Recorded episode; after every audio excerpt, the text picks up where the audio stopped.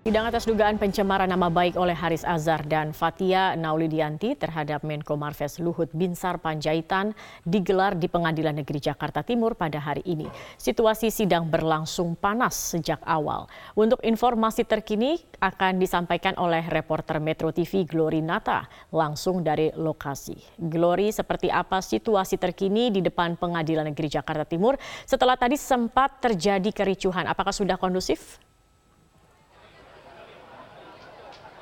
Ya Zakia benar sekali bahwa sejak pagi tadi Pengadilan Negeri Jakarta Timur menggelar adanya sidang terkait dengan kasus pencemaran nama baik yang dilakukan oleh Luhut Binsar Panjaitan terhadap dua orang terdakwa di antaranya ada Haris Azhar dan juga Fatia Mauldianti yang mana di depan Pengadilan Negeri Jakarta Timur saat ini sudah mulai eh, kondusif situasinya karena sejak pagi tadi hingga sore hari eh, demo terus dilakukan oleh pendukung Haris Fatia dan juga dari beberapa lembaga swadaya masyarakat, eh, mahasiswa dan juga ada aksi dari masa Kongres Aliansi Serikat Buruh Indonesia atau KASBI yang mana mereka melakukan aksi demo ini di depan dari Pengadilan Negeri Jakarta Timur karena tidak diizinkan masuk ke dalam uh, ruang pengadil uh, ruang sidang pengadilan. Dan juga mereka sempat menyanyikan lagu-lagu nasional dan juga Indonesia Raya dan juga menyampaikan sejumlah tuntutan di antaranya adalah membebaskan Haris Fatia dan juga mereka membawa poster yang bertuliskan pemerintah dan pejabat jangan anti kritik.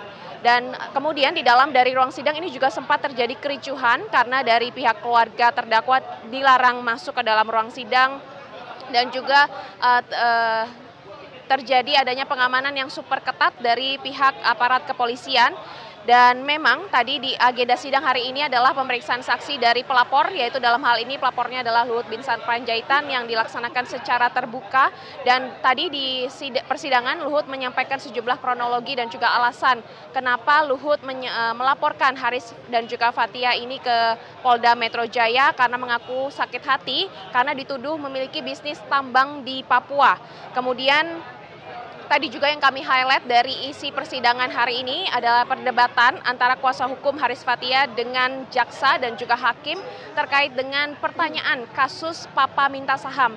Jadi pada uh, tadi pada saat agenda sidang uh, saat pemeriksaan silang, tadi kuasa hukum Haris Fatia ini menyampaikan sejumlah pertanyaan kepada Luhut bin Sarpanjaitan terkait apakah Luhut pernah minta pembagian saham PT Freeport Indonesia, kemudian dijawab oleh Luhut tidak pernah. Namun pertanyaan ini diinterupsi oleh jaksa penuntut umum karena jaksa berpendapat kasus ini tidak selayaknya diungkap di pengadilan karena tidak ada kaitannya dengan pokok perkara atau dengan dakwaan yang sudah diajukan oleh JPU kepada dua terdakwa. Kemudian hal inilah yang menyebabkan perdebatan antara kedua belah pihak dan juga tadi setelah eh, sidang usai ini Luhut menyampaikan beberapa poin di antaranya adalah uh, biarkan persidangan ini terus berjalan dan ini bisa menjadi per, uh, pembelajaran pelajaran bagi masyarakat Indonesia bahwa tidak ada kebebasan yang absolut. Kemudian dibantah juga oleh kuasa hukum Haris Fatia yang menyatakan bahwa seharusnya pejabat publik ini siap dikritik dan memang kedua terdakwa, Haris dan juga Fatia didakwa melanggar pasal 27 dan juga pasal 45 Undang-Undang ITE dan juga pasal 310 KUHP tentang penghinaan.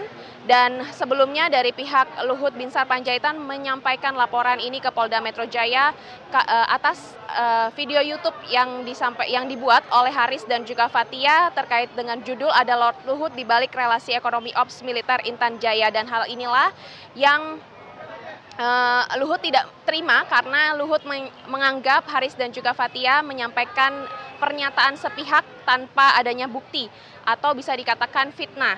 Dan saat ini eh, persidangan sudah selesai digelar, rencananya persidangan akan segera dilakukan lagi dalam waktu dekat yaitu tanggal 12 Juni dengan agenda pemeriksaan saksi lanjutan dan tentu saja agenda sidang akan dilakukan secara terbuka. Sementara demikian, Sakia. Baik, Glorinata terima kasih atas laporannya. Pemirsa dalam kesaksiannya pada persidangan, Menko Marves Luhut bin Sar Panjaitan mengaku sakit hati. Luhut memberikan keterangan perihal kronologi serta alasan dirinya melaporkan Haris dan Fatia atas pencemaran nama baik. Menurutnya tidak ada kebebasan yang absolut. Saya jengkel sekali karena saya dituduh sebagai apa namanya punya bisnis di Papua yang saya tidak pernah kemudian juga saya disebut lord dan penjahat itu menurut saya kata-kata yang sangat menyakitkan saya punya anak buah gugur di daerah operasi itu. Dan saya dibilang penjahat, itu sangat menyakitkan hati saya. Tapi itu pun saya mau yang mulia. Ya sudah, damai dia minta maaf, terbuka. Jadi saya lakukan, saya minta dua kali. Mesti lima, saya ini 76 tahun pakai. Tidak ada daerah operasi militer yang saya tidak ikuti. Tidak bisa. Jadi saya pikir ini pembelajaran. Tidak ada kebebasan absolut. Semua kebebasan aku tanggung jawab. Anggota tim 8 Koalisi Perubahan untuk Persatuan, Sudirman Said mengungkap ada operasi untuk menjegal pencapresan Anies Baswedan di Pilpres 2024. Salah satunya adalah manuver yang dilakukan pejabat pemerintah untuk merayu PKS agar keluar dari Koalisi Perubahan.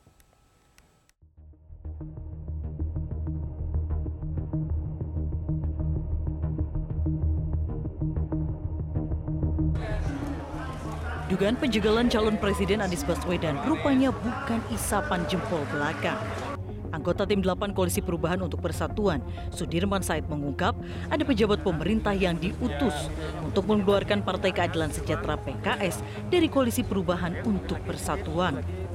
Sejak awal sampai hari ini, bergantian para pejabat negara ada yang pimpinan partai dan bukan mendatangi PKS dengan misi ada yang implisit ada yang eksplisit misinya itu supaya PKS keluar dari koalisi itu dan majunya Pak Anies digagalkan kira-kira itu.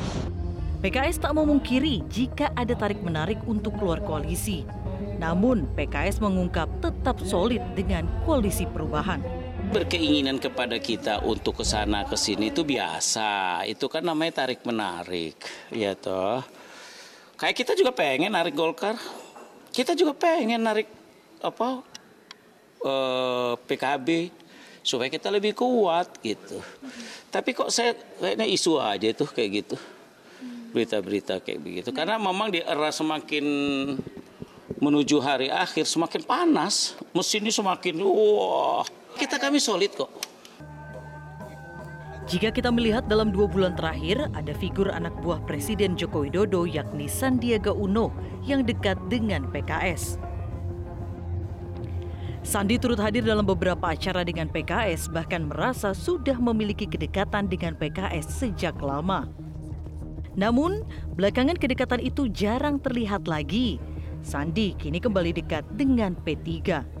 Bukan hanya upaya menarik keluar PKS, namun akhir-akhir ini juga muncul upaya untuk menarik Demokrat dari koalisi. Tetapi, Ketua Umum Demokrat Agus Harimurti Yudhoyono AHY menegaskan Demokrat tetap solid dengan koalisi perubahan. Kita terus membangun chemistry sekaligus juga kebersamaan bukan hanya untuk visi misi yang lebih baik ke depan, tetapi juga strategi pemenangan yang efektif. Itulah mengapa dari waktu ke waktu saya secara pribadi juga semakin intensif berkomunikasi dengan Mas Anies Rashid Baswedan. Koalisi pengusung Anies Baswedan sampai saat ini masih fokus menyiapkan cawapres pendamping Anies. Kemungkinan cawapres Anies akan diumumkan dalam waktu dekat yakni pertengahan Juli mendatang. Pemirsa ekonom menilai pertumbuhan ekonomi Indonesia selama masa pemerintahan Presiden Joko Widodo lambat karena hanya tumbuh di kisaran 5 persen di tengah posisi Indonesia sebagai penerima investasi terbesar kedua di Asia Tenggara.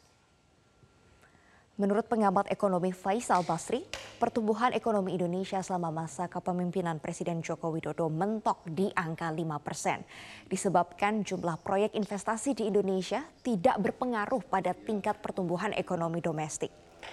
Faisal mengatakan pada tahun 2020 investasi yang berupa bangunan sebanyak 74 persen. Sementara investasi mesin di kawasan industri hanya 11 persen. Berkaca dari realisasi tersebut, investasi yang masuk ke dalam negeri tidak berdampak pada perekonomian rakyat kecil.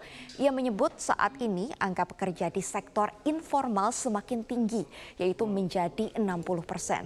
Sedangkan penurunan angka kemiskinan semakin lambat. Sebelumnya, Kementerian Investasi BKPM mencatat pertumbuhan investasi di Indonesia pada tahun 2022 mencapai 1.207 triliun rupiah. Secara rinci, jumlah penanaman modal asing atau PMA di Indonesia sepanjang tahun 2022 mencapai 52 persen dari total investasi 2022. Sementara itu, penanaman modal dalam negeri atau PMDN di tahun 2022 mencapai 45,8 persen.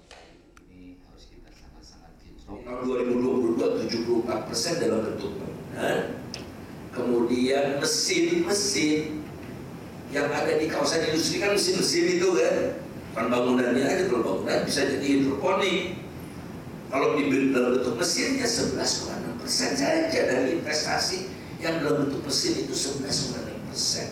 Island itu paling ujung, bangunannya cuma 32 persen.